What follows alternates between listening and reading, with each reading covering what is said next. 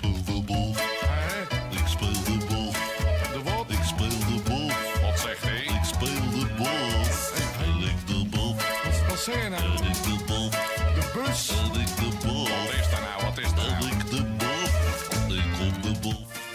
Yes, dit is de eerste aflevering van Basgasten, een podcast waarbij ik bekendere Nederlandse bassisten aan de tand voel over welke vijf bassisten, albums, baslijntjes, noem maar op, ze hebben gevormd tot de bassist die ze zijn. En mijn allereerste gast is er niet zomaar één, maar is Jeroen Vierdag, die je kan kennen eh, als bassist van de Ploktoons, van Teus Nobel, als hoofdvakdocent aan het conservatorium van Rotterdam en Amsterdam. En eh, ik ben benieuwd wat hij te vertellen heeft over hem en over wat hij tof vindt. Ik speel de bal. Dat was de bas. Nu is hij begonnen. Jeroen, Hey, Hidde. fijn, dat je er bent. Of dat je mee wil doen. Ik ben bij jou te gast in Bussum. Zo is het. Leuk man.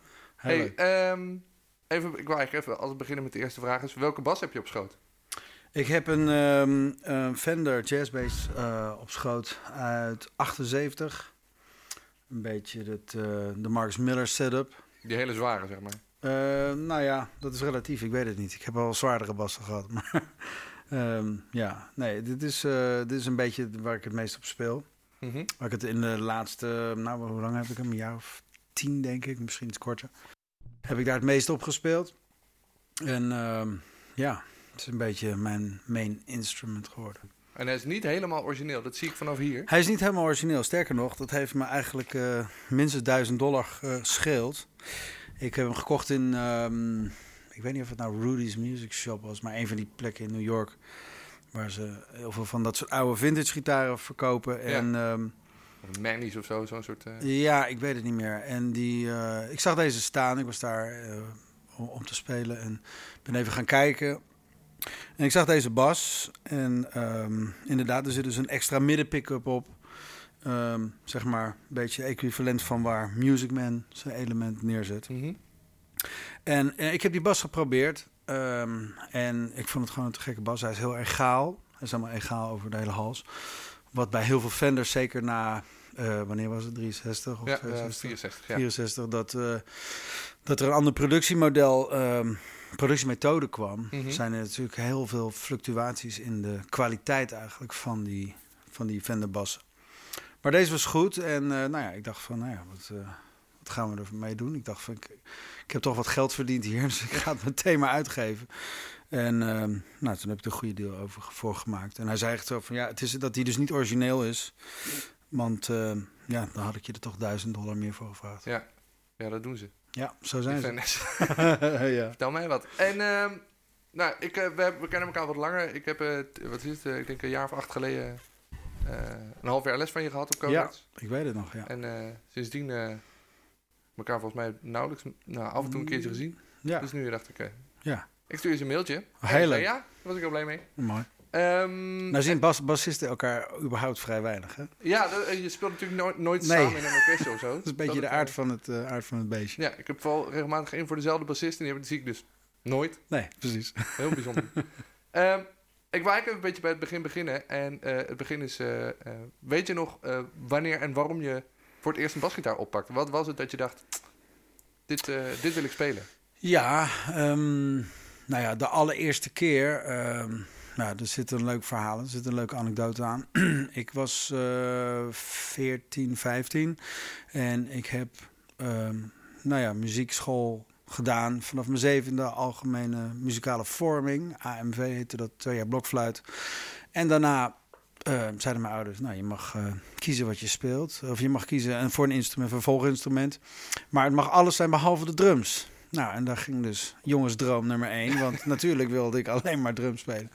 En eh, het werd uiteindelijk piano. En dat heb ik tot mijn 14e, 15e gedaan. Klassiek piano. Ehm, wat ik denk ik wel, ja, ik vond het wel leuk, maar het had niet mijn passie of zo. Ik luisterde er niet, ik luisterde niet naar klassieke muziek. Ik ehm, zag het denk ik meer als een soort training. Waar ik overigens wel dankbaar voor ben geweest. Hoor, want uiteindelijk is motorische vaardigheid op jonge leeftijd voor elk instrument leidt, denk ik, tot blijvende nou ja, eh, eh, eh, aanleg om, om motorisch eh, dingen te kunnen, zoals muziek maken. Dus ik zie dat wel als de basis van mijn muziekcarrière. Maar op 14, 15 was ik er wel klaar mee. Mhm. En eh, at the time was Guns N' Roses ongeveer het grootste wat er aan de hand was in de wereld. En eh, leek mij dus eh, zoiets als Slash te doen, leek mij Ja. ook leuk. En ik ben toen via, ja, toen nog van die krantjes, huis- en huiskrantjes, heb ik advertentie opgezocht. Elektrische gitaar. Nou, gevonden, 200 gulden, toch toen nog gulden, 200 gulden elektrische gitaar. Te koop, af te halen. Nou, weer bellen. Ik met mijn vader naar de bank. 200 gulden, nou, pinnen was, was het nog niet eens. Eh, opgenomen, 200 gulden opgenomen. En wij erheen en die jongen doet open.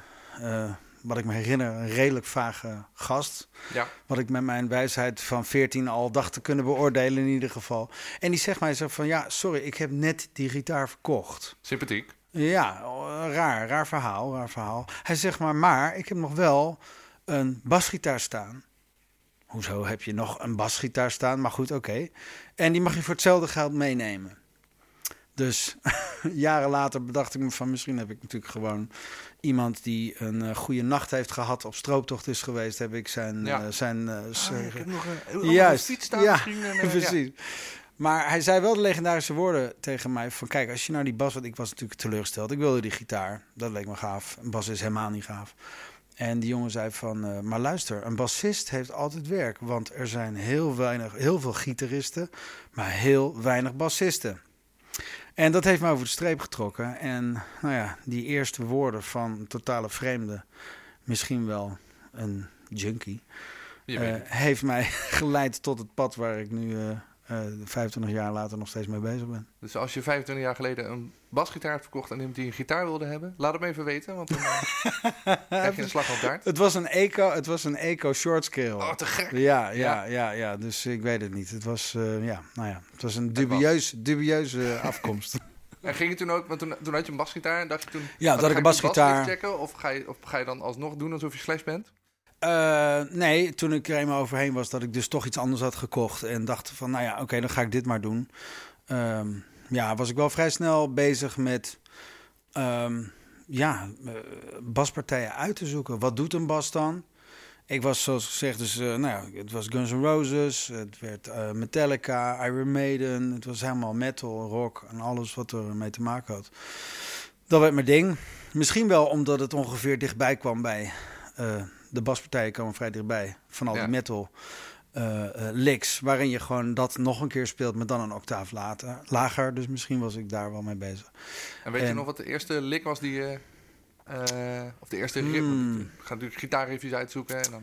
Ik geloof, ehm, ja, het zal iets van, ja, ja, misschien toch Paradise City Ja? of zoiets. Ja, ja, ja, ja, ja, ja. ja. maar ja, dan kun je weer niet met je plaat meespelen, want die gitaar staat allemaal in S. Ja, maar daar was ik toen ook al achter. Oké. Nee, zeker. Oh, maar dat, dat inderdaad, fijn dat je me herinnert. Ik was voortdurend aan het omstemmen. Ja, Want je had op een gegeven moment dat je inderdaad S, inderdaad, dat, heb je, goed- dat weet je goed. Ja. De, de Guns Roses was een S. Mhm.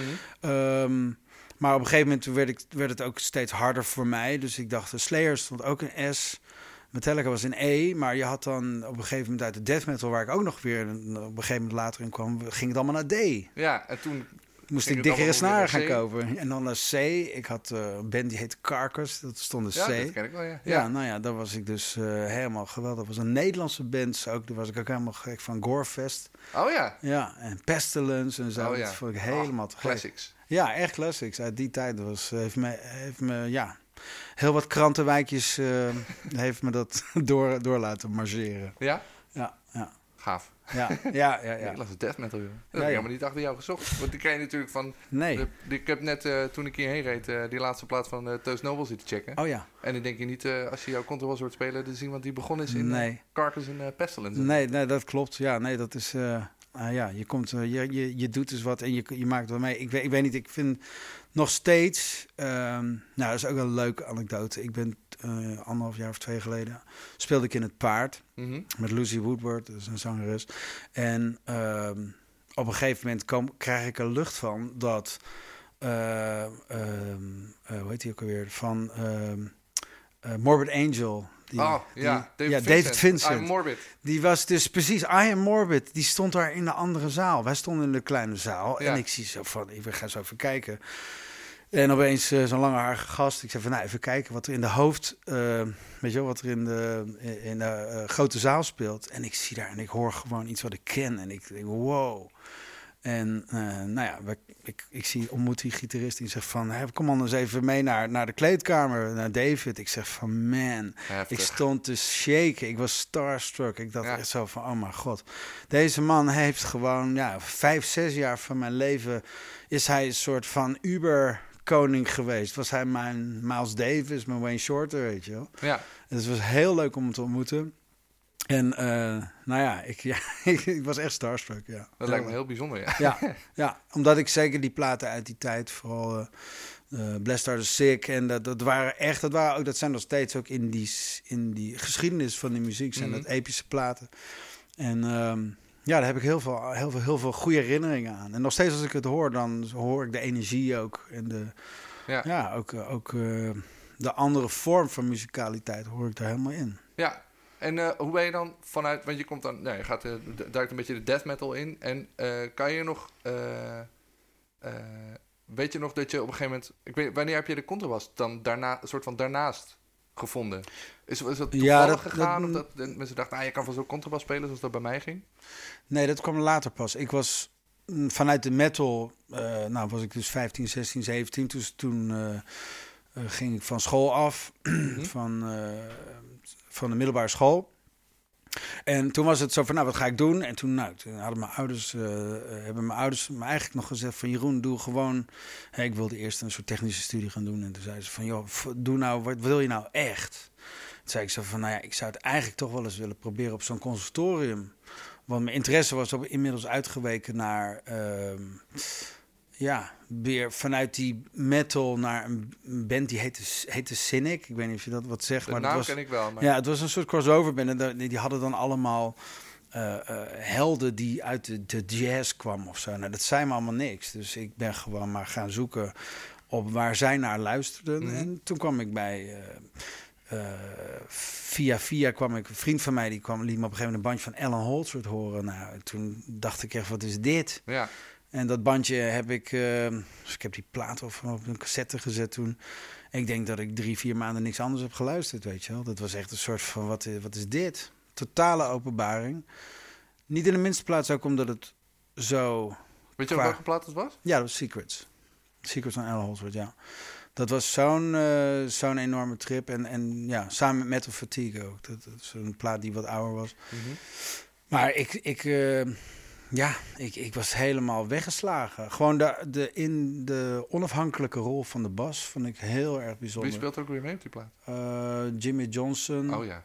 eh, onder andere. Dat was in die tijd sowieso de meest, de, die deed de meeste dingen. En er zitten geloof ik nog wat, eh, wat gastbassisten op die plaat ook. Maar ja, Jimmy Johnson was voor mij, en is nog steeds, ja, weet je wel, is voor mij een van de allergrootste inspiratiebronnen geweest in die tijd. Ook van het, het, hoe, zo'n bas eh, totaal eigen gereid iets kan neerzetten. Terwijl Jimmy Johnson natuurlijk, het is niet echt, als ik mensen vraag, noem eens vijf bekende bassisten, staat Jimmy Johnson daar eigenlijk nooit tussen staan, denk ik. Denk ik ook. Maar eh, ja, dan ga je, als je maar even eh, googelt wat Ja, die man allemaal heeft opgenomen. nou, en dan zit hij denk ik in de top drie van de meest gevraagde bassisten in, in de muziekscene überhaupt. Want hij heeft echt duizenden opnames gemaakt. Ik heb hem volgens mij een paar jaar geleden met James Taylor ook nog zien spelen. James Taylor speelt hij jaren al bij, ook Ja. al sinds de jaren negentig of geloof ik, ja, zoiets. En ja, weet je, hij heeft al, allerlei dingen gedaan van hele heftige muziek tot hele rustige muziek. En, Mhm. en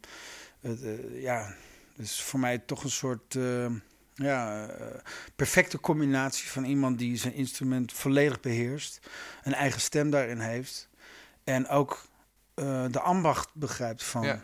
van bas spelen. Is dat ook wat jij in je eigen spel probeert te krijgen, zeg maar, dat je een soort van...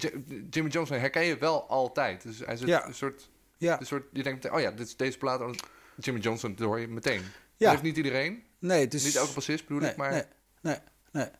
Dat is dat iets wat jij meeneemt en wat je, wat je doet? Echt bewust? Of heb je dat gewoon een soort van geadopteerd? Je bedoelt of je iets hoort van hem in mijn spel? Of... Nee, of jij, hoe, hoe bewust ben je bezig met... Oké, ik moet nu zorgen dat als mensen deze plaat opzetten... dat ze horen dat ik het ben? Of gaat dat soort onbewust? Dat, dat, is, dat is toch een beetje proberen om een mens te zijn... Dat, die, die herkend wordt. Ja. Dat is eigenlijk niet mogelijk. Ik bedoel, je kan wel... Ja, je kan natuurlijk eh, van alles doen om op te vallen. Maar ehm, over het algemeen wordt muziek, denk ik, pas gewaardeerd in zijn totaliteit. En is er zeker wel iets waarin je je kan natuurlijk al onderscheiden in je geluid of in je bepaalde manier van spelen, je, je, de hoeveelheid noten of hoe, Mhm. hoe excentriek je daar zeg maar mee omgaat. Maar ja, eh, excentriek wordt ook niet altijd gevraagd. Nee. Hè? Ik bedoel, ehm, eh, iemand als Jacob Pastorius heeft natuurlijk een enorme eh, revolutie gebracht in het hele basspelen. Maar ehm, ja, hij heeft, hij heeft ook de juiste mensen en muziek om zich heen gehad... waar Ja. hij zich op die manier in kon profileren. Ja, hij werd misschien ook wel gevraagd door mensen... omdat ze die sound in zijn muziek, die Ja. muziek wilden. Zeker. Nee, nou precies. Dus Als je het is, die Johnny Mitchell platen met Jacco Ja. luistert. Ja, nee, dat is gewoon een soort het Ja. eigenlijk. Maar over Jimmy Jones, dat is zeker een ander verhaal. Ik denk dat wat, wat hem heel, dus de, heel erg onderscheidt is zijn geluid. Mhm. Hij heeft toch een soort randje, wat zeker komt ook doordat hij dat eh, hele alembic al vanaf het, eh, de jaren, weet ik veel, begin jaren zeventig al dat endorsed en Ja. dat daarbij was. En die eerste, eh, ja, die dat die sound eigenlijk heeft ge- toegeëigend op een manier die bij hem paste. En die heel veel mensen gebruikten. Dus dat Ja. randje van alembic hoor je gewoon altijd in zijn spel terug. Is er een, eh, een stuk of een nummer van... Nou ja, waar- dat, je, dat je nu denkt van... Oh ja, maar als je echt die Jimmy Johnson sound wil horen... dan moet je even, echt even deze plaat opzetten. Ehm, ja, het is meer de, de kwaliteit van hoe goed hij te horen is. Ik bedoel, eh, als je eh, de, de, hoe heet die plaat ook weer? Sep- September, wacht even, van James Taylor. Ehm 4th of July staat erop. September Grass heet die plaat. Van een jaar of 15 geleden, denk ik. Daar, daar hoor je hem heel goed op. Dat is niet, Daar hoor je hem niet druk op spelen. Eh, als je nou, weet ik veel, ehm, ja, van Alan Holdsworth bijvoorbeeld. Eh, Secrets hoor je hem heel goed op. Op Mhm. eh, Sand hoor je hem echt ja, prominent gefeatured. Dus instrumentale muziek. Dus in Ja. feite ho- hoor je op die muziek ook veel meer de stem eigenlijk. Dat Ja. wordt zo gemixt, weet je. Het is een andere, andere benadering. Mhm. Minder Maar- als, eh, als begeleiding onder wat Ja, er aan melodie gebeurt of zo. ja, daar hoor je hem harder. Daar hoor je hem simpelweg harder of, of meer mid gemixt, weet je wel. Omdat die, die kleuren niet om een stem heen hoeven. Nee, precies. Ja, ja, ja. Maar dat zijn een paar, paar platen waar die... Maar ja, zoveel. En je hoort hem er altijd uit. Dat Ja. is inderdaad wel waanzinnig. Ja. Ja, het is en- zeker een Sony's ding, maar ook de manier waarop die timed. Kijk, er zijn wel meer mensen die heel erg goed timen. Hè? Ja. Die heel erg lekker die feel spelen. Hij heeft wel... Ja, hij heeft een bepaalde soort... eh, over het algemeen kiest hij vaak wat langere noten. Een beetje meer legato spel, Mhm. wat ik wel... Ja, wat ik wel typerend vind voor hem. Maar... ehm, ja, het is. eh, je, hebt, je hebt maar vijf platen nodig van hem om te weten wie die is. En Ja. dan vergeet je het ook nooit weer. En dan zijn er nog eh 2.500 over die je dan ook Precies. kunnen checken. Ja, die je dan gaat herkennen. En is zo'n manier van spelen iets wat jij, als je eh, gevraagd wordt om met iemand een plaat in te spelen of mee op tour te gaan of weet ik veel, is dat dan, zet je dan bij wijze van spreken een Jimmy Johnson knop aan? Of zijn dat, ben je, hoe bewust ben je bezig met, oké, ik kies nu deze benadering voor dit stuk en eh, laat ik me eh, voeden door die en die mensen? Ja, ehm, nou, ik denk dat het steeds minder wordt. Maar uiteindelijk is dat zeker iets wat ik heb wel. eh, ik heb toch ja, behoorlijk wat opgenomen in de, in ja, afgelopen twintig jaar. En ik weet wel dat de platen die ik heb gemaakt in de jaren ja, het, eh, t- eh, 2000, zeg maar, begin daarvan. Heb ik een paar mooie platen gemaakt ook. En dan hoor ik wel dingen terug en ik zeg van... oh ja, dat had ik echt uit die, die periode of zo. Of Dat had ik Ja. echt een soort stempeltje van... oh ja, dat is... Maar het kan heel klein zijn. Hè? Heb je, de- als je dat, zo, heb je dan een soort van, denk, denk je dan nu aan een concreet ding? Of denk je het is een soort van dit album? Of, Ik heb een plaat gemaakt ooit met Philip Kronenberg. Dat is een singer-songwriter ehm, uit Nederland. Een prachtige muziek. Eh, mooie platen gemaakt al allemaal. En eh, ja, er zitten wel wat dingen bij waarvan ik denk als ik dat terughoor van... Oh ja, dat is echt mijn Jimmy Johnson slash Anthony Jackson proberen na te doen. Heb je een voorbeeldje? Want ik ben, ik bedoel, we zitten al best wel lang te, maar... ik Eh, weet even kijken hoor. Ehm eh, een voorbeeldje. Even kijken hoor. Dat is meer een soort Anthony Jackson ding waar ik aan dacht toen. Dat weet ik nog wel. Ik weet niet of ik de baslijntje nog weet. Dan moet even kijken. Ja, wat even. Het is een heel gekunsteld iets ook nog. Wat even.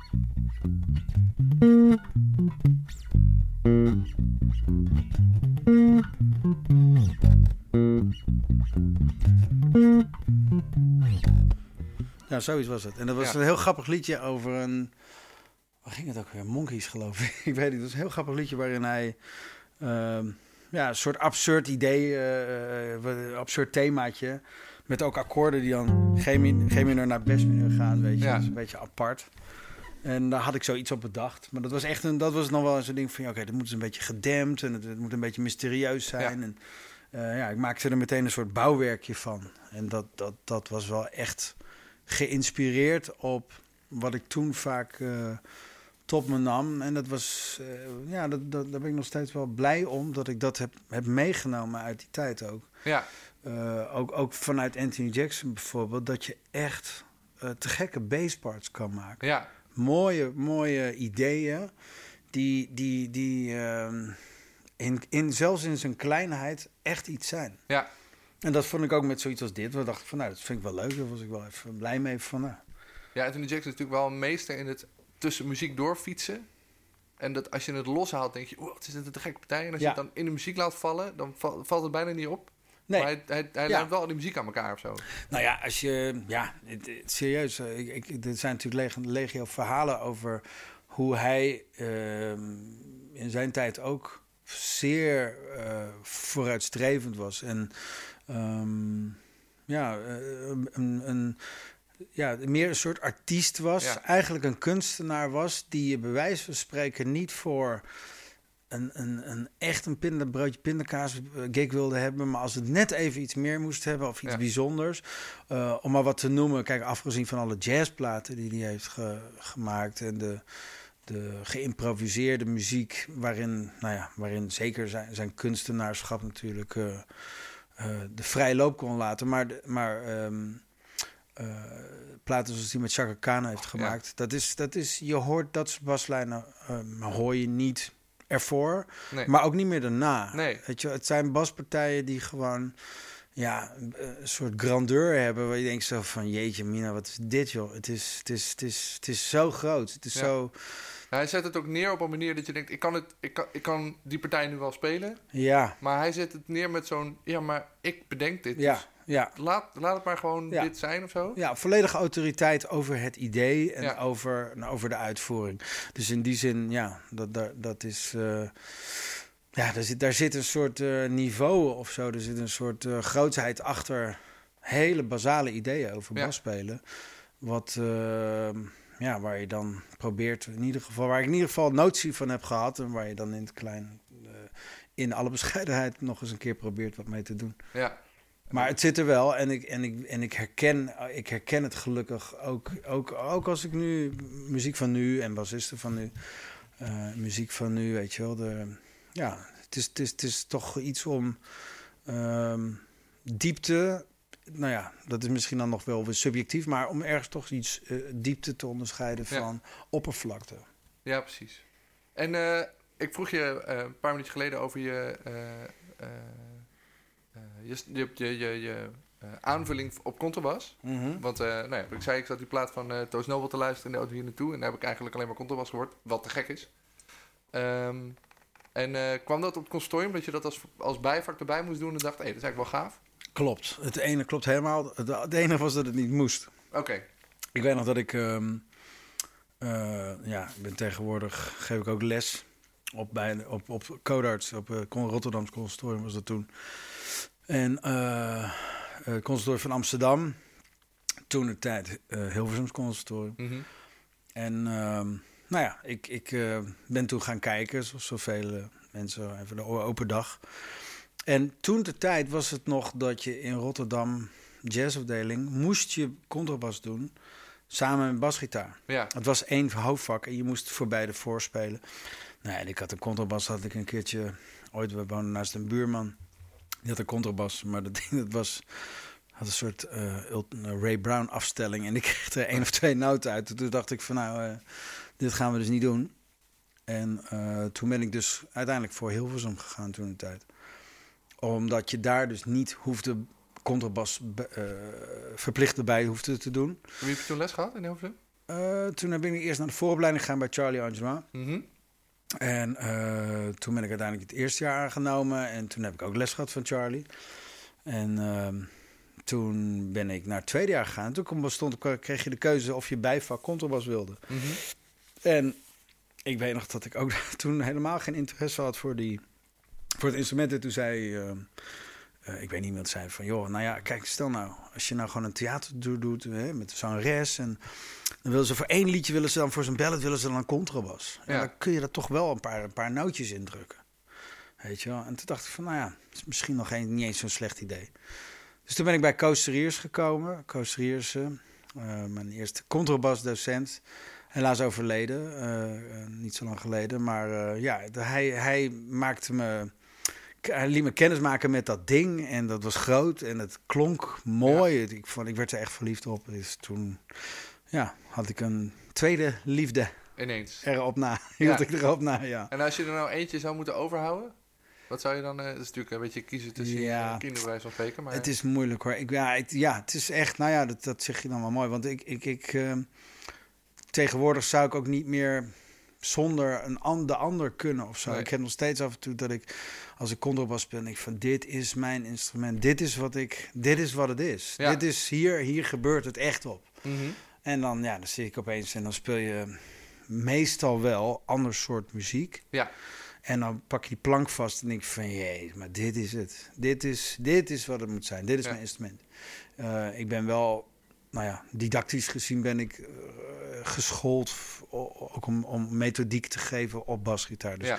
daar kan ik me wel, ik ben best wel een beetje een, eh, nou ja, zou ik zeggen, ongeschoold, slordige contrabassist. Ik heb Ja. het gewoon vertaald vanuit wat ik kon op de basgitaar. Heb ik proberen een beetje te vertalen aan de contrabas. En ehm, ik heb geen technisch onderlegde skills. Nee. Dus ik geef daar ook gewoon ook echt ook eh, uit principe geen les in. Nee, dus je- eigenlijk, eigenlijk zou je kunnen zeggen dat je er behoorlijk goed doorheen hebt gefaked zo de afgelopen eh, Ja, jaren. Nou ja, ik denk het wel, ja. Ja, ja, ja. Misschien dat ze... Nou, of misschien zijn er al een aantal wel achter. Dat het toch allemaal behoorlijk leeg is. Maar, nou ja, eh, ik denk dat het wel... ehm, eh, misschien voor mijzelf bewijst... dat als je muziek hoort Mhm. Op een instrument... dan is de uitvoering van waar je het op gaat doen... is in eerste instantie van secundair belang. Omdat je het horen van muziek is toch... Het, het kunnen voorstellen van muziek is Ja. toch eigenlijk waar het begint. En ik denk dat de weg eh, veel korter is. Tenminste, dat heb ik dan misschien aan mezelf bewezen. Is de weg korter naar iets te horen op instrument... en dan te gaan kijken hoe je dat geluid kan krijgen Ja. dan als dat je gewoon denkt van nou, we nemen hier heb je een contrabas en daar zit dit en dan moet je dat doen, dan moet je die beweging uitvoeren. Meer vanuit een idee dat het ehm, Dat je auditieve voorstelling, zeg maar. Dat je gewoon een klank Ja. hoort en dan denkt... oké, Ja. maar welke keuze voor welk instrument ga ik nu maken? ja, en natuurlijk is het ook niet helemaal, eh, dit, dit is ook, het is ook niet onlogisch. Ik bedoel, een contrabas is hetzelfde gestemd als een, een basgitaar. Dus Ja. in principe moet je de bewegingen die je al maakt of kent, hè, ook al zou je ze niet horen, eh, die op je basgitaar doet, die moet je ook overzetten naar, naar contrabas. Dus Ja. in die zin is dat eigenlijk helemaal. eh, is dat eigenlijk het, het, het, een, een, een andere uitvoering van iets wat je al kent? Ja, precies. Behalve dat je het dan niet kan zien. Daar heb ik contrabas altijd last van. Ik speel te weinig en Ja. dan is die automatische beweging, zeg maar, Zeker, die ik op ja. basgitaar wel heb. ja. ja. Nou ja, er zijn jaren geweest, ehm, dat is al een tijd geleden, dat ik, dat ik veel in Amerika zat met, eh met Amina Figueroa. En dat ik dus eigenlijk alleen maar contrabas speelde. Er zijn jaren geweest dat ik echt, nou ja, eh, voornamelijk contrabas speelde. En Ja. ook dan verdwijnt die barrière. Maar ja, goed, je doet wel een ander instrument met een andere geschiedenis Ja. erbij. Dus de techniek is anders. Dus als je probeert basgitaar techniek te gaan spelen op contrabas... eh, met hetzelfde idee van kracht, ehm, projectie, eh, techniek, eh, hoe je zo'n snaar, hoe je die aanraakt. Ja, daar kom je wel bedrogen uit, want Ja. het is gewoon echt niet hetzelfde. Nee, het is echt een ander Het instrument. is echt een ander instrument. En er zijn maar weinig mensen, denk ik, die het eh, beide goed doen. Ze zijn er wel. En ik denk dat al die mensen gemeen hebben... is dat ze, dat ze ergens in willen zien of proberen te zien... dat het echt andere instrumenten zijn. Ja. Wie vind je daar een heel goed voorbeeld van? Ik, heb, ik, ik vind bijvoorbeeld Chris Wood van Meneski Martin Wood. Ja, Die kan het allebei heel erg goed. Ik ken zijn werk niet zo goed. Eh, nou ja, voor de grote... Ja, weet je, ik vind natuurlijk toch dat, dat John Patitucci ook Ja. gewoon een meester is in beide. En die, maar die heeft ook, het gaaf van Patitucci vind ik wel altijd dat hij een hele andere benadering heeft. Echt een Ja. hele andere benadering. Hij speelt zo anders basgitaar dan dat hij Ja. contrabas speelt. En ik denk ook dat dat dus eh, misschien ook wel bij mij ook wel een beetje zo is in die zin. Wel geen moment vergelijken met Patitucci, maar wel dat ik ook, het- als ik mezelf terughoor op contrabas, dat ik hele andere ideeën heb. Ja. Of dat als ik het ook speel, dat ik een hele andere referentiekader heb. Omdat je, ja, je, de, je mogelijkheden voor geluiden die je kan maken is heel anders. Ja. Dus ik ga ook andere dingen voorstellen, weet je. De, de, de, er zitten dingen in het hoge register op een contrabas die op een, op een basgitaar gewoon niet kunnen of zo. Nee. Ik weet het niet. Dat Ja, valt niet alle willen. grond weg, Ja. weet je wel. Maar en merk je dat ook? Ik heb dat bijvoorbeeld. eh, ik heb te veel instrumenten thuis, maar ik merk ook als ik dan. Ik heb nu dan mijn vijfsnarige de gier vast, maar als ik dan mijn oude precision pak, dan heb ik hetzelfde gevoel. Dat ik denk, ah ja, maar sommige dingen kunnen Ja. op deze echt niet, Nee, die op deze dan weer wel kunnen. absoluut. Ja. En ik denk dat het ook de, gewoon de, de beperking of misschien wel de, de kunst is dat je je eroverheen kan zetten en gewoon doet wat je altijd doet. Eh, als ik een, mijn, ehm, ik heb ook een P-bass met eh roundbounds en ja, het idee is ook dat het gewoon alleen maar een soort boot is, weet Ja. je wel, een soort tanker. Ja, dan ga ik niet, dan voel ik niet als ik dan die, die soort van eh, probeer om een, ehm, een beetje melodische solo te spelen over, over, over een, een mooi, mooi liedje. Waltz for Debbie of zo, dat Ja. je dan daarmee uitkomt. Dan, dan hoor ik het ook niet. Nee, precies. En dan, ja, dan krijg je een soort discrepantie tussen wat je wil voorstellen bij de muziek Ja. en wat je eigenlijk in je handen hebt. Ja, precies. Ik, eh, ik heb op, eh, op mijn Facebookpagina heb ik, een, eh, heb ik gevraagd of mensen of ze vragen voor jou hebben. Hm. En eh, er kwamen een paar lollige reacties van onder andere Nick de Bruin, jou wel bekend. Ach, Nick, ja, Ja. Ehm, wel eens van gehoord. Ja, daar was ik al bang voor. Mhm. Eh, en eh, een goede vriend van mij en eh toetsenist van mijn eigen fusion met je Robert van der Pad. Ja. Eh, die wilde heel graag van je weten. En het is een beetje een, een, een, een, eh, een grote vraag. Hm. Ehm, ik ga hem even kijken of ik even kijken hoor. Hier is die. Eh, Robert vroeg letterlijk: eh, wat ziet hij als het belangrijkste dat hij geleerd heeft tijdens zijn studie? En wat is het belangrijkste dat hij leerde na zijn studie? Dat zijn natuurlijk twee behoorlijk Wauw. heftige vragen. Ja, wel een goede vraag trouwens hoor. Ja, dat is. ja, dat, die vraag achter ik Robert wel, die dicht ik Robert wel toe. Dat is Ja. wel eh, een goede. nee, ik. ehm, ja, jeetje, dat, dat is natuurlijk een hele grote vraag inderdaad. Maar misschien. eh, even snel denken. Ehm, ja, wat ik. Wat ik eh, mm, ja, ook omdat ik het nu ook terugzie. eh kijk, ik geef zelf nu ook al eh, een jaar of 17 les of zo. Dus ik, ik zie nu al veel langer terug op de andere plek dan die vier jaar dat ik natuurlijk student was. Ja. En eh, buiten het feit dat ik een eh, superleuke studietijd heb gehad. Echt een hele goede klik had met, eh, ja, met, met docenten, waar die ik nou mijn, mijn, mijn collega's mag noemen. Daar ben ik Mhm. heel erg dankbaar voor. Dat vind ik ontzettend leuk. Ehm, eh, heb ik dat in ieder geval dus geleerd. Van die tijd geïnspireerd worden. ehm, ja, meer of mindere mate gementord worden door vijf mensen die, eh, die de faculteit eh, uitmaken van eh, het conservatorium van jouw instrument. En dat heeft me heel, wel heel erg gevormd als het gaat over ehm, nou ja, misschien de basismanier over hoe ik naar het instrument kijk.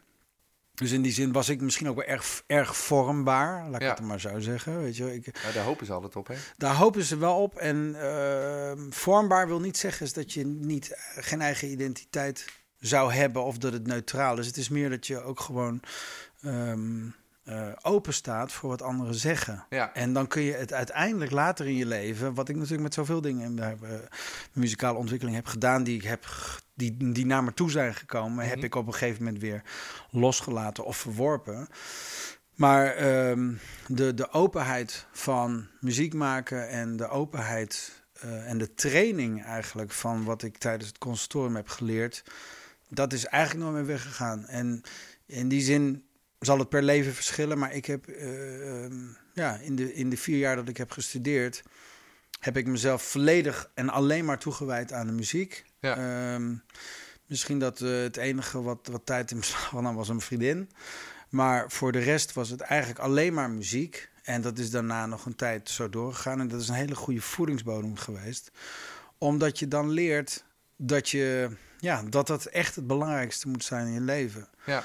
Want, en dat is dan deel 2 van de vraag, is dat wat ik nu snap, misschien na, na 20 jaar dat ik eh in 2000 afgestudeerd, wat ik dan nu eh, de, de les daarna heb gehad, is dat er ook maar één manier is, is dat je er alles voor over hebt. Want Ja. als dat niet zo is, dan houdt het wel echt snel op. Weet je wel, het is je passie. Ehm, je moet er toch een soort van ehm, bezeten van zijn. Je moet er alles voor over hebben. Weet je wel, uren, werkuren. Ik heb heel veel families, feestjes, eh, social dingen heb ik allemaal gemist. Ja. Omdat ik gewoon dan maar weer ergens op een sessie voor een of andere iemand die ziek was kon invallen of wat dan ook. Ja. En dat heb ik wel echt een aantal jaren heel veel gedaan. Dat doe ik nu niet meer. Maar dat, dat heeft me wel heel erg geholpen om, ja, no mercy eh, met je carrière om te gaan. Ja. Dat levert je dan op zo'n sessie spelen, levert je ook natuurlijk weer nieuwe, uiteindelijk weer nieuwe dingen op waarschijnlijk, weet je? Want eh Ja. mensen jullie spelen en je speelt eh Ja, je nou ja, ja, het, eraf en je denkt, eh, Zeker, het, was, het is een andere tijd dan nu. En, en nou ja, weet je wel, de, de, de, toen, toen in die tijd was het dat ik allemaal mensen leerde kennen door me available te maken, door, door er gewoon te zijn, door, door een invalbeurt gewoon helemaal te nelen, omdat je gewoon echt, eh, nou ja, dan maar desnoods een nacht doortrekt om het repertoire echt goed te beheersen. ja. Ja, dat, dat, dat werkt. Maar heb je het gevoel dat dat dan nu minder gebeurt? Want je zegt het is, het is nu een andere tijd dan toen. Oh, in het algemeen, dat, dat weet ik eigenlijk niet. Dat weet ik eigenlijk niet. Ik, ik, eh, ik denk, ja, daar heb ik het wel vaak proberen om dat in kaart te brengen. Ik, ik, weet, ik denk wel dat er, ehm, dat wat echt mensen die heel, echt heel graag willen en vaak ook gaat gepaard gaat met een groot talent, ehm, dat die zeg maar weten wat er nodig voor is om iets op een bepaald niveau te kunnen. Ja, Het is dus, ik wil eigenlijk maar zeggen, dus dat talent is aan de ene kant iets goed kunnen en iets snel eigen maken. Mhm. Maar een deel van je talent is ook dat je snapt wat je moet doen en laten om dat resultaat te bereiken. ja, En dat is ook een deel van je talent. Dan kun je dus met minder talent, met minder muzikale aanleg, kun je nog steeds heel erg veel komen als je weet Ja. wat je ervoor moet gaan doen. En, en ik denk dat dat, ja, dat is soms wat niet goed. eh, nou ja, wat je, niet, wat je ziet, wat niet altijd goed wordt benuttigd. Van, of benut vanuit, eh, oké, ik kan dit en ik ga dat voor doen. ja, Weet je wel? Dus ja, ik vind het persoonlijk, en zonder ook maar een oordeel te hebben, ik vind het persoonlijk onbegrijpelijk als je iets niet hebt gedaan voor een belangrijk moment. Dan begrijp ik, daar begrijp ik niets van. Eh, eh, Dan begrijp ik er niets van. Als je niet tegen me zegt van, joh, sorry, ik ben de hele nacht op geweest of zo. Of ik heb alles gedaan om het te kunnen of om het eh, voor te bereiden. Maar ja, nou ja, weet je wel. alle legitieme redenen aside, ik, ik, ja, ik weet het niet. Ik, ik, ik vind het ergens een. Nou, je, ja, ver- je verplicht je eigenlijk tot een soort toewijding aan die muziek. Van oké, je gaat hiervoor, maar dan moet je dus ook volle bak doen. nou ja, wel als je dus. ehm, ah, wel als je dus, denk ik, door anderen, want uiteindelijk ben je in de muziek, zeker als bassist, afhankelijk van anderen. Ja. Als anderen jou willen beoordelen als betrouwbaar, als ehm, eh, ehm, inzetbaar, als eh, eh, muzikaal betrouwbaar, als Mhm. muzikaal creatief, als dat er iets komt wat, wat goed is. Als mensen denken van ja, maar oké, maar als je hem vraagt, dan komt het goed. Ja, Ook als je hem nu belt, komt het ook goed. En dat is dan dat tweede, komt dan weer meer door ervaring. Uiteindelijk is natuurlijk ook heel veel dingen ga je steeds beter doen in kortere tijd, omdat je het vaker hebt gedaan. Ja. En eh, ja, maakt ervaring maakt je gewoon weer heel bruikbaar. Dus dat, dan komen ook. Maar ja, ik weet niet. Ik heb zo vaak gehad dat ik zo stront nerveus was voor een gig met. Weet ik veel, de eerste paar keer dat ik met Metropoolorkest... Nou ja, ik, ik had het niet meer. Of de eerste keer voor tv, weet je. Het was Ja. allemaal zo... Het zijn zulke grote dingen. Maar ja, op een gegeven moment dan heb je de kans het zo vaak te doen... dat het echt niet meer uitmaakt. Nee, precies. Ja, en dan, dan merk je dus dat alles waar je je druk om hebt gemaakt en die extra effort, de extra mile, weet je wel, die je Mhm. dan ervoor hebt gemaakt, dat die echt eh, uit wordt betaald. Ja. Omdat je het dan kan. Ja, precies. En dan zeker de eerste paar keer, Ja. als je zo'n, weet je, zo'n metropool-ding, dan denk je, ik heb het nu, ik heb het goed gedaan. Ja, En is die profession, wat ik noem, ik vind dat altijd professionaliteit, weet je, gewoon je zit voor elkaar, maar ook op tijd komen, hè, je- Mhm. Ja. dat, je, dat je spullen het doen, weet je wel. ja. Is dat eh, eh, uiteindelijk wat je jouw studenten ook, behalve natuurlijk technische skills en weet je Ja. wat allemaal, het meest wel meegeeft van zorg nou gewoon dat je een professional bent en dat, dat je altijd eh, doet wat je moet doen. Ja, joh, zeker. Maar het begint al met mijn lessen. Weet je wel, niet afbellen, dan word ik giftig. Ja. Dat mag een keer gebeuren, zeker het eerste jaar. Maar daarna dan heb je wel een probleem. Want ik... eh, een probleem, dan wil ik wel gaan zeggen dat, dat je gewoon... eh, dat je even, eh, dan, dan ga ik je zeggen waar dit toe leidt. Ja, Want waar namelijk waar dit toe leidt, is als je niet het respect hebt, of nou respect is dan niet eens een ding. Als je het niet belangrijk genoeg vindt, is dat iemand jou iets wil gaan vertellen over de dingen waar je mee hebt opgestudeerd, of weet je wel. Eh, ja, misschien is het wel een respectding, ik weet niet. Maar, maar dat je dus daar niet zorg voor draagt, ehm, dan ga je dat later ook niet doen. nee. Nee, dus Snap je? soort van een, een, een, als je nu, je, je bent 17, 18, 19 en je zit op het consortium, als je Ja. het nu al niet kunt, Nee. Waarom ga je dat dan over, als je 27 bent wel doen? ja, Dan zeg ik zo van, oké, nou, eh, je hebt het niet gedaan of je bent in ieder geval... Oké, als ik je nou 100 piek geef, wat gaat, gebeurt er dan voor volgende week? ja, Ja, ja, ja, maar het is geen gig. Ik zeg, nee, het is geen gig, maar het is het eigenlijk wel. Het is een investering in jezelf. Elke gig gaat niet over geld. Het gaat over, eh, ga je dit kunnen of niet? ja, En dat geld, dat komt dan later wel, weet je wel. Want het is nou juist de selectie ook van, ja, eh, gaat iemand het kunnen? ja, Weet je, gaat iemand. Dat, dat is eigenlijk denk ik wat veel mensen in de muziek. eh, buiten creativiteit, wat zeker telt. Maar joh, zeker in de jazz, man, ik heb zoveel mensen. Waanzinnige talenten, maar niet mee te werken. Nee. En die worden niet gevraagd. En die. Weet je wel, dat is. En daarbij is er liever iemand die dan misschien iets minder goed is, maar er wel is. En gewoon zijn shit voor elkaar heeft. En, Nou ja, tegenwoordig zijn er zoveel goede muzikanten dat Ja. ik geloof heilig in dat er gewoon voor al, elke, elke plek hele goede muzikanten zijn die het ook allemaal gaan doen. Ja. Weet je wel, een beetje het schrikbeeld wat we allemaal, tenminste wat ik meekreeg altijd vroeger van New York. Dus van nou ja, voor jou echt tien anderen die Ja. het allemaal net zo goed doen. Eh, ja, ik heb het gevoel in ieder geval dat dat nu ook wel zo is in Nederland. Weet je, er zijn zoveel goede muzikanten, zoveel goede mensen die. En zijn natuurlijk makkelijker te bereiken nu. Bedoel, Iedereen is te bereiken. Precies. Als je nou niet meer bereikbaar bent, dan eh, ja, weet je, ik bedoel, de, ja, het is al een beetje van ja, als je niet meteen reageert op je WhatsAppje, dan eh, wordt al gevraagd of er wat aan de hand is. ja, En, en nou ja, dat is oké, dat is van deze tijd. Maar nou ja, ik zal ook niet. Eh, eh, ik- ja, ik loop ook tegenaan dat mensen je gewoon niet antwoorden. En dat vind ik eh, onbegrijpelijk, Ja. onbegrijpelijk iets van deze tijd. ja, bijzonder is dat. Maar goed, daar ben ik dan ook eh, niet meer jong talent voor.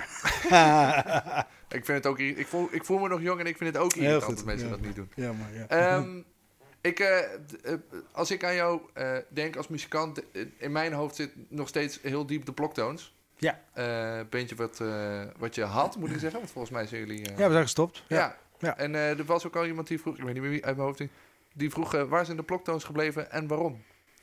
Waren jullie er gewoon klaar mee? Of, ja, nou ja, we hebben dat 15 jaar gedaan. Het was een te gekke tijd. ja, We hebben ontzettend veel, goede muziek, veel, veel goede muziek gemaakt. Altijd heel trots geweest op die band. En eh, ja, god, ergens gaat dat nooit weg in jezelf of zo, weet je wel. Ik bedoel, eh, ja, ik, ik, ik, het, is nog maar, het is ook nog maar kort geleden dat we zijn gestopt. ja, En uiteindelijk hebben we ook heel vaak al wel periodes gehad dat we gewoon niets of weinig deden. Dus het is allemaal niet een ehm, eh, soort van, weet je wel, de Beatles die uit elkaar zijn. Nee. Maar nou, dus nou, het voor, was- voor, iemand, voor diegene die dat vroeg, eh, ik weet dus niet meer wie het was, ik Mm. kan het natuurlijk zo voelen van, eh nou ja, het, een beetje mijn beat? Nee, dat weet ik niet, maar... nou ja, ik, ik, ik, nee, ik zal niet. Ik vind het heel jammer dat het niet meer bestaat. Maar je moet wel, dat is dan ook de, misschien het mooie geweest van die band, is dat we met z'n vieren waren en ook met z'n vieren. Ja, toch een beetje de democratie dan. Hè? Eh, Anton noemt dat een, ana- een anarchistische democratie. Oh ja, En ehm, ja, dat je dus op een gegeven moment misschien het gewoon klaar is of Ja. zo. Ik bedoel, als je gewoon voelt dat het in de repetitieruimte niet meer gebeurt, of als je, ja, de nieuwe stukken, weet je wel, die, die, die, dat, dat, dat, dat, je er, dat je er als band niet helemaal uitkomt of zo, of dat je gaat, dat had ik persoonlijk dan, dat je als denk van ja. Ga, is dit dan nog wel ploktoons genoeg? Is het goed genoeg voor Oh, de ja. ploktoons? Nou ja, dan begin je eigenlijk al aan dingen te, te twijfelen die eigenlijk in zichzelf misschien helemaal niet zo erg zijn. Kijk, ik bedoel, in, in, heel- in, in, in Prince heeft ook gewoon ja, minder goede platen gemaakt. Dat, ja, nogal. ja. Eh, eh, en, en ik denk dat ook heel veel, ja, weet je, het hele oeuvre van Weather Report is ook, of ja, kun je ook heel verschillend over denken. En, ja. eh, o- om maar eens een van de allergrootste bands eh, in, in, in de jazz te noemen, wat mij betreft. Maar, maar dan, dan nog heb je. Ja, in ons geval hadden we al, we hebben al zo lang al ook niets meer uitgebracht. Zaten we al een paar jaar tegen hikken. En ik denk dat het in ieder geval voor mij mentaal een hele goede.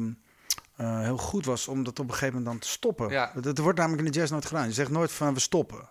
Weet je wel, doe maar stopt. Eh, eh, eh, de de Ja. afscheidstournee van dat stopt. En de, die, die, die houden Jazzbandje op. brengt gewoon nooit meer iets Ja, uit. Verdwijnt een beetje. Precies, een jazzband bestaat eigenlijk altijd nog op papier. Ja. Alleen we hebben alleen 15 jaar al niks meer uitgebracht, weet je wel. En ik vond het misschien wel, eh, nou, ik vond het, nou, ludiek is het misschien niet het woord, maar ik, ja, ik, ik, ik Je ziet het in ieder geval niet zo vaak. nee, we zwengelden het eens een keertje aan met elkaar en nou ja, misschien hadden we niet allemaal dezelfde gedachten erover, maar ik vond het eigenlijk toch wel fijn om het, eh, ja, een keertje kenbaar maar te, ma- te maken voor onszelf, dat we er ook gewoon niet meer het gevoel van hebben van, oh ja, de ploktoons hebben we ook nog, dan moeten we ook nog iets, iets Ja. we moeten weer iets gaafs gaan Ja, dan maken. blijft dat ook de hele tijd hangen. En als je op een gegeven moment gewoon die knoop doorhakt, Ja. dan, weet je, dan... Klaar, afgelopen. It was great while it lasted. Eh, ja, god, eh, of je nou nooit meer wat gaat doen, wie zal het zeggen? Ik, dat, dat- dat is niet waar. Reunietjes zijn weer hip, hè? ja, maar dat vind ik ook weer zo goedkoop. Dan ga je uit elkaar om weer bij elkaar te komen, weet je wel. Dus eh, nee, ik stel bij deze dat we twee jaar niet moeten mogen... niks meer mogen ga ik doen. houden. Ja. Ik zie even hem ook nog wel eens. Dus, eh, Heel goed, ja, ja. Nee, maar het is, eh, het is helemaal goed zo. Ik vond het... eh, ja, ik ben echt trots op wat we met die band hebben neergezet. We hebben wel, denk ik wel, een soort geluid neergezet. En ja, ik heb nog eh, ja, echt honderden minuten aan concerten... met allemaal dingen die ik nog zelf heb. Waar ik dan dus doorheen scroll op een verloren avond. En denk ik van, jeetje, wauw, dat was wel te gek. ja. Het leuke van die band was wel echt. ehm, eh, ja, nou, dat proberen we nu ook. Dat probeer ik ook dan nu weer met iemand als Thuis of zo. Is een band proberen we dat ook weer te doen. Dat je iets nieuws vindt in Ja. de, de compositie die je eh, uitvoert. Dus iets, Per, per keer dat je per keer dat je speelt. Ja, ja, gewoon iets nieuws ermee doet. Of kijken van hoe voelt het vandaag. Wat ga je doen? Wat ga je zeggen? Ja, Weet je, je zit gewoon weer in de auto. En waar gaan we heen? Waar rij je heen? ja. En, en nee, we, we moeten sowieso naar Amsterdam. Maar ja, oké, gaan we, weet je wel, gaan we via de snelweg of gaan we via een andere. Dat, dat is denk ik toch het, wat, wat ik wel het meest eh, interessant vind aan muziek maken live. Is dat je iets doet wat ervoor nog niet mee was gebeurd. Ja. Zonder het te forceren, maar wel om eh, het avontuur te blijven opzoeken of zo. En eh, eh, wat is voor jou eh, eh, eh, de, het, het, het loopje of het likje? Of, waar als mensen denken van, oh, maar de bloktoons die ken ik helemaal niet. Waar moeten ze dan beginnen? Oh, ja. daar- Wat is het, is super typisch dat je denkt, dit is een soort van samenvatting van die band. Heb- heb- Mm.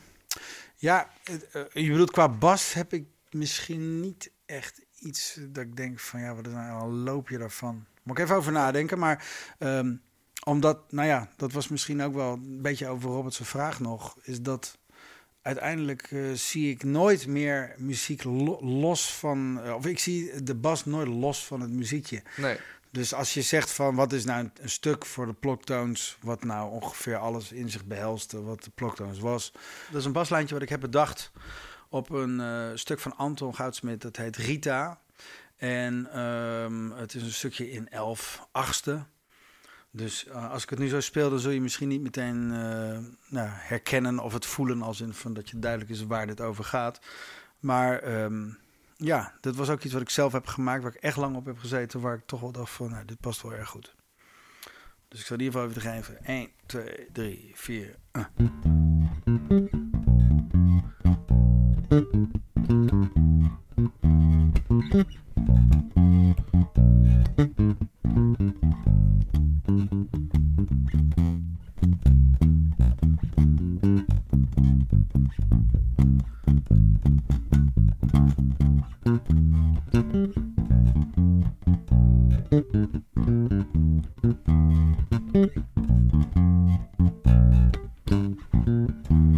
Of zoiets. En eh, wat zijn nu de dingen die eh, op stapel staan? Want je, bent, je gaat volgens mij weer met Lucy spelen, toch? De komende... eh, Nou, ja, de, in september. Nee, ja, de, zij is nu met Charlie Hunter en, Oh, ja. in, in Nederland. En Nick drumt daarbij. En ehm, nou ja, ik sta met haar doe ik weer wat dingen in september, geloof ik. Er staan allemaal wat dingetjes. En voor de rest, ehm, nou ja, ik ehm, ga wat festivals doen met Caro Emerald. En ik ga, ehm, eh, ja, de rest van het, de afgelo- of het ehm, aankomende half jaar ga ik veel met Teus spelen. Teus Noble Liberty Group, dat Ja. gaat hartstikke goed. We, hebben, eh, we zijn gevraagd voor de Noordzee, dus dat zijn gek. allemaal, ja, het zijn grote, ehm, grote dingen waarvan ik, eh, ja, ik, ik heb echt een fijn gevoel ook bij die band. Ja, Dus het klinkt goed, het is een goede, goede formule. En ja, we hebben elke keer als we spelen hebben we die magie die Ja. je eigenlijk wil hebben. Zeker met instrumenta met, met, nee, met geïmproviseerde muziek is dat je toch een, een soort probleem aangaat. Wat je opgelost wil zien in diezelfde avond. En dat lukt bij die band hartstikke goed.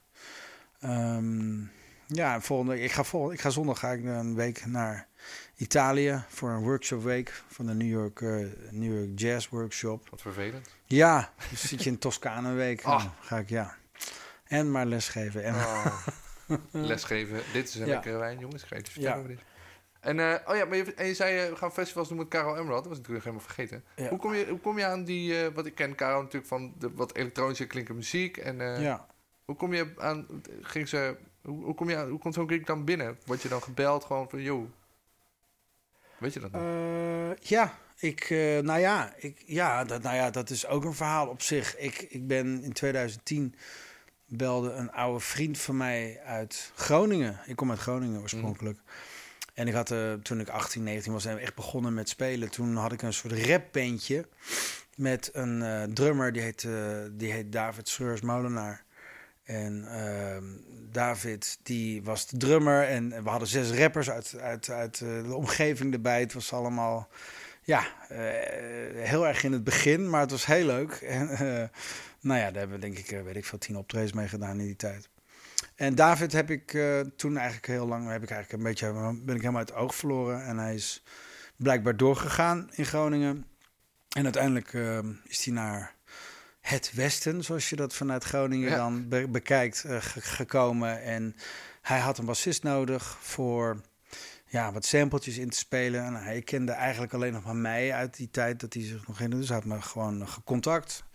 En ehm, op een gegeven moment ehm, ja, was er iets van een soort nieuw iets met een eh zangeres. En nou ja, toen kwam het, dus dat hele Caro-verhaal kwam voorbij. Of ik dat wilde inspelen. Nou, dus dat heb ik toen gedaan. En ehm, toen, eh, ja, de, zat dus ook, daar zat eigenlijk alles van die eerste succesplaat van Caro bij. En eh, Night Like This en zo. En nou ja, dat is, eh, dat is een gigantisch, gigantisch succes geworden. En eh, ja, daar was, ik, daar was ik dus bij. Uit het toeval dat ik ook uit Groningen kwam. Ja, En toen heeft het nog jaren geduurd hoor. 2010 was dat, geloof ik. Night Like This en zo. En ik ben sinds 2013, eh 14, zoiets, ben ik ook live in die band gaan spelen. ja, ja. Ja. En daarvoor heeft ze altijd met, eh want de gitarist speelt er volgens mij al eh, vanaf het begin bij. Ja, die speelt er al vanaf het begin bij. En ik ben, ik, ik ben helemaal nooit betrokken geweest bij het begin. Nee. Maar eh, ja, ik heb het maar ingespeeld. En ehm, ja, op een gegeven moment toen ging de bassist waar ze toen mee speelde, ging weg. En ehm nou hebben ze mij ervoor gebeld. Toen dacht ik van nou, waarom niet? Ja, Ik, ik, heb het, ik heb het toch een keer ingespeeld. ja. Ik moest wel weer luisteren wat ik allemaal eh, van had, had gebakken. Maar ehm, ja, het is eh, hartstikke leuk. Heel leuk. leuk eh, ja, het is een leuke club mensen waar ik al heel veel, heel veel uren mee heb doorgebracht. dat kan me voorstellen. Ja. Ja, ja, ja, ja. En daar gaan we voor, over een week gaan we er ook een week weer mee naar Engeland. Tof. Ja. Leuk. Heel leuk. Heel cool. Jeroen, ik ben echt super blij dat je mijn eerste gast wilde zijn. Fijn, dankjewel. En, eh, ik vond het heel fijn om met je te praten. Super. En eh, de volgende is eh, Kobus volgens mij. Kobus Groen. Graag gedaan. Doe hem de groeten. Zal ik doen. Jo. Goed man, dankjewel. Yes, dit was dus het gesprek dat ik met Jeroen Vierdag eh, voerde. Vond je dit een fijne aflevering? Check dan binnenkort ook de nieuwe afleveringen van Basgasten. Check me ook op Facebook en laat even een reviewtje achter op iTunes of Spotify als je dit een fijne podcast vindt. Over twee weken spreek ik dus Kobus Groen van Miss Montreal. Tot dan! Ik speel de bal. Dat was de Bas.